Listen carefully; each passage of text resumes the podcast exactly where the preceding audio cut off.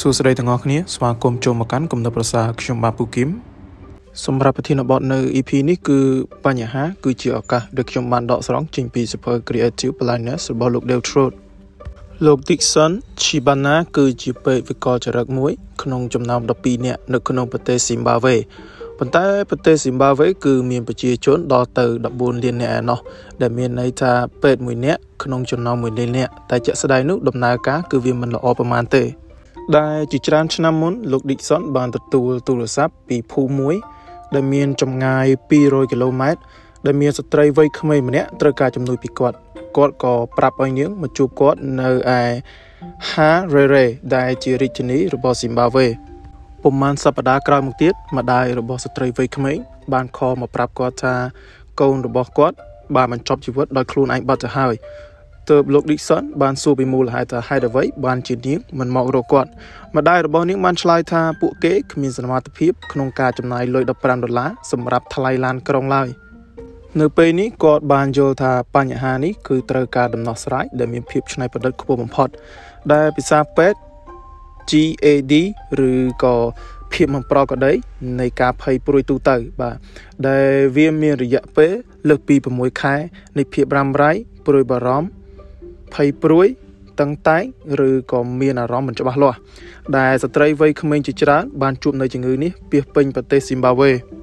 ដែលលោក Dixon បានបដូរបញ្ហាឲ្យទៅជាឱកាសដោយគាត់ដឹងថានៅក្នុងភូមិនីមួយៗគឺតែងតែមានមនុស្សចាស់ឬក៏ស្ត្រីចាស់ចាស់ដែលយើងហៅថាលោកយាយនេះឯងនៅក្នុងប្រទេសស៊ីមបាវេលោកយាយគឺតែងតែចង់មាន អ្នកដែលនិយាយជាមួយគាត់ហើយស្ត្រីក្មេងៗនេះគឺត្រូវការអ្នកស្ដាប់អញ្ចឹងហើយទើបលោកឌីសុនចាប់ផ្ដើមបង្រៀនឲ្យលោកយាយពីលក្ខណៈទូទៅនៃការព្យាបាលនៃអាកប្បកិរិយាទាំងនេះ ដែលជាទីកន្លែងសម្រាប់អ្នកជំងឺហើយនិងអ្នកអនុវត្តមកចូលរួមគ្នា ដើម្បីដោះស្រាយបញ្ហាទាំងអស់គ្នា ដែលគាត់បានដាក់ឈ្មោះវាថាជាការព្យាបាលដោយការនិយាយផ្អែកលើផុសតាំងពាក្យ depression ការក្រៀមក្រំចិត្តនៅក្នុងភាសា Zimbabwe គឺ Kufong Shisha ដែលមានន័យថាការគិតច្រើនជ្រុលអញ្ចឹងអ្វីដែលសំខាន់នោះគឺលោកយាយត្រូវរៀនគឺការស្ដាប់យ៉ាងយកចិត្តទុកដាក់ហើយការច្នៃប្រឌិតរបស់លោក Dixon Shibana សម្រាប់គម្រោងនេះគឺកៅអីនៃមិត្តភាព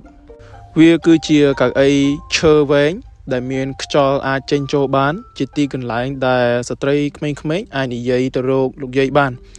ហើយកៅអីនេះទៀតសោតគឺមានតម្លៃទាបហើយនឹងងាយស្រួលក្នុងការសាងសង់ណាស់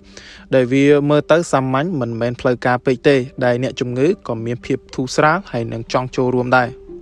ដែលការព្យាបាលគឺមាន6វគ្គម្នាក់ទល់នឹងម្នាក់ហើយនឹងរៀងរាល់មួយសប្តាហ៍ម្ដង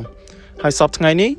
គឺមានកៅអីមិត្តភាពចំនួន70ក្នុងសមាគមផ្សេងផ្សេងគ្នាពីពេញផ្ទៃប្រទេសស៊ីមបាវេ លោកយាយរាប់រយនាក់បានព្យាបាលអ្នកជំងឺដល់ទៅ70000នាក់ដែលជាលទ្ធផលនោះគឺបានកាត់បន្ថយការសម្លាប់ខ្លួនឯងនឹងដល់ទៅ5ដងឯណោះដែលលោកយាយព្យាបាលអ្នកជំងឺកើត depression ច្រើនជាងដុកទ័រទៀតហើយលោក Dixon ក៏បានបង្រៀនលោកយាយឲ្យចេះប្រើទូរស័ព្ទថែមទៀតដើម្បីងាយស្រួលទំនាក់ទំនងគ្នាដែលគាត់បានបន្ថែមថាមានលោកយាយដែលមានអាយុ65ឆ្នាំជាង600លាននាក់ នៅពីពេញពិភពលោកដែលចង់មានអារម្មណ៍ថាពួកគាត់មានតម្លៃនិងចង់ជួយអ្នកដទៃទោះបីជាពួកគាត់មិនមែនជាដុកទ័រក្តីក៏ពួកគាត់ចង់ជួយសង្គមឲ្យប្រសើរជាងមុនដែរអញ្ចឹងសរុបមកវិញ ការយកបញ្ហាពីរមកចូលរួមគ្នានឹងបង្កើតបាន ទៅជាដំណោះស្រាយដែលជាអ្វីដែលមនុស្សមានភាពច្នៃប្រឌិតខ្ពស់ចូលចិត្តធ្វើសូមអរគុណពីខ្ញុំពូគឹមសូមជម្រាបលា